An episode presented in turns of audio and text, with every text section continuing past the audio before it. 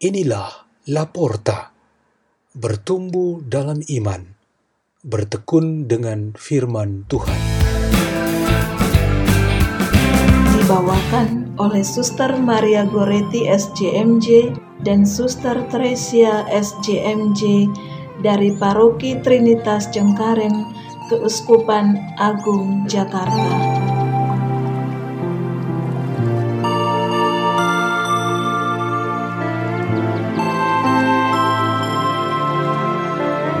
Bacaan dan Renungan Sabda Tuhan Rabu Pekan kelima Prapaskah 24 Maret 2021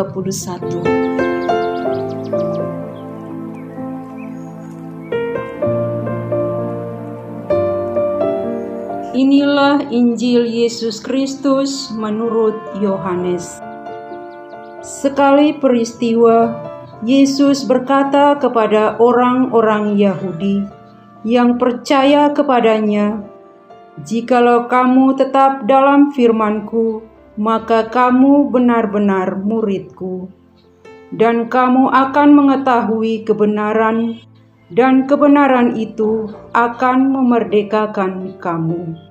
Jawab mereka, "Kami adalah keturunan Abraham dan tidak pernah menjadi hamba siapa pun." Bagaimana engkau dapat berkata, "Kamu akan merdeka"? Kata Yesus kepada mereka, "Aku berkata kepadamu, sesungguhnya setiap orang yang berbuat dosa adalah hamba dosa, dan hamba tidak tetap tinggal di rumah, yang tetap tinggal dalam rumah adalah anak." Tetapi Apabila anak itu memerdekakan kamu, kamu pun benar-benar merdeka.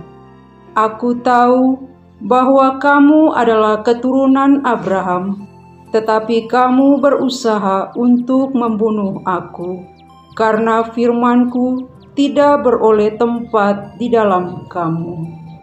Apa yang kulihat pada Bapa, itulah yang kukatakan seperti halnya kamu melakukan apa yang kamu dengar dari Bapamu. Jawab mereka kepadanya, Bapa kami ialah Abraham. Kata Yesus kepada mereka, Sekiranya kamu anak-anak Abraham, tentulah kamu mengerjakan pekerjaan yang dikerjakan oleh Abraham tetapi yang kamu kerjakan ialah berusaha membunuh aku. Aku seorang yang mengatakan kebenaran kepadamu, yaitu kebenaran yang kudengar dari Allah. Pekerjaan yang demikian tidak dikerjakan oleh Abraham. Kamu mengerjakan pekerjaan bapamu sendiri. Jawab mereka, kami tidak dilahirkan dari zina Bapa kami satu, yaitu Allah. Kata Yesus kepada mereka, Jikalau Allah adalah Bapamu, kamu akan mengasihi aku, sebab aku keluar dan datang dari Allah, dan aku datang bukan atas kehendakku sendiri, melainkan dialah yang mengutus aku. Demikianlah Injil Tuhan.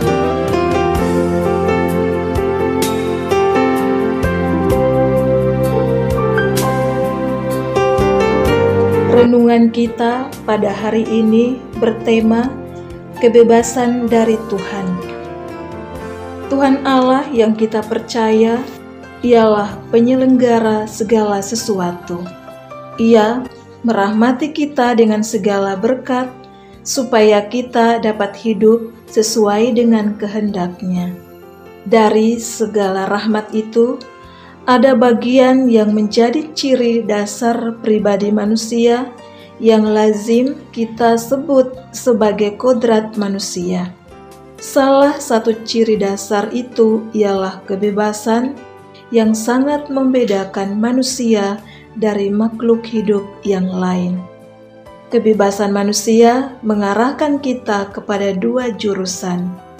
Yang pertama, ialah kebebasan untuk menjalani kehendak Tuhan.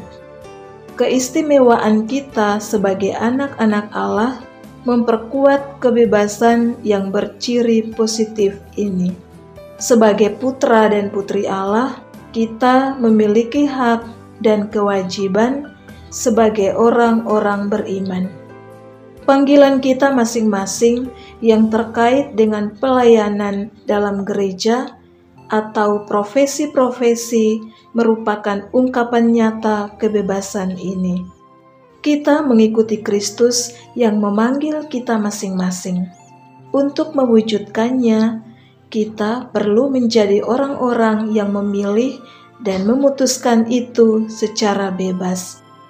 Yesus Kristus sebagai Putra Allah yang diutus Bapa ke dunia sebagai juru selamat menetapkan kebebasan jenis yang kedua, yaitu dari kekuasaan dosa, setan, dan pengaruh duniawi yang dikontrol oleh orang-orang yang melawan Tuhan.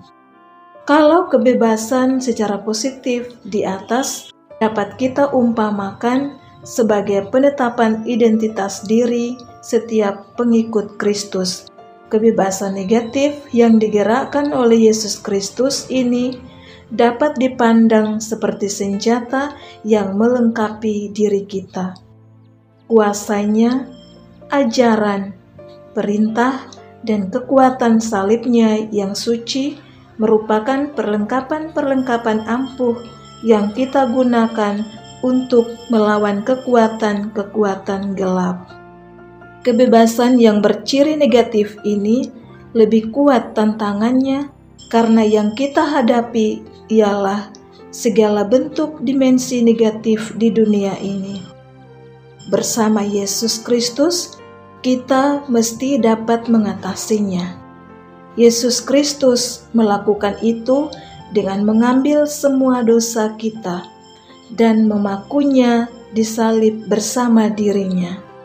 Kematiannya itu menjadi sebuah kemenangan, membawa pengampunan bagi kita dan mendamaikan kita dengan Allah. Kita dapat memanggil Tuhan sebagai Bapa karena Yesus telah mendamaikan kita dengan Bapa dan membebaskan kita dari perbudakan dosa dan setan. Di dalam kitab Daniel, Kebebasan yang kedua ini diperlihatkan oleh ketiga pemuda Yahudi, Sadrak, Mesak, dan Abednego yang luput dari tindakan berhala yang hendak ditimpakan kepada mereka. Kekuatan pembebasan ini mampu mengubah hati Raja Nebukadnezar yang keras untuk mengakui kuasa Allah Maha Tinggi yang diimani umat pilihannya. Marilah kita berdoa dalam nama Bapa dan Putra dan Roh Kudus.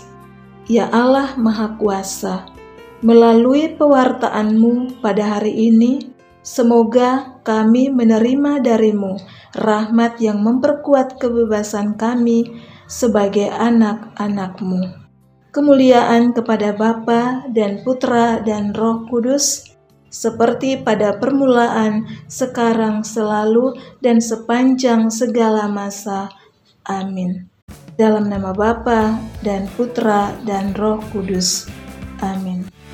La porta, la porta, la porta.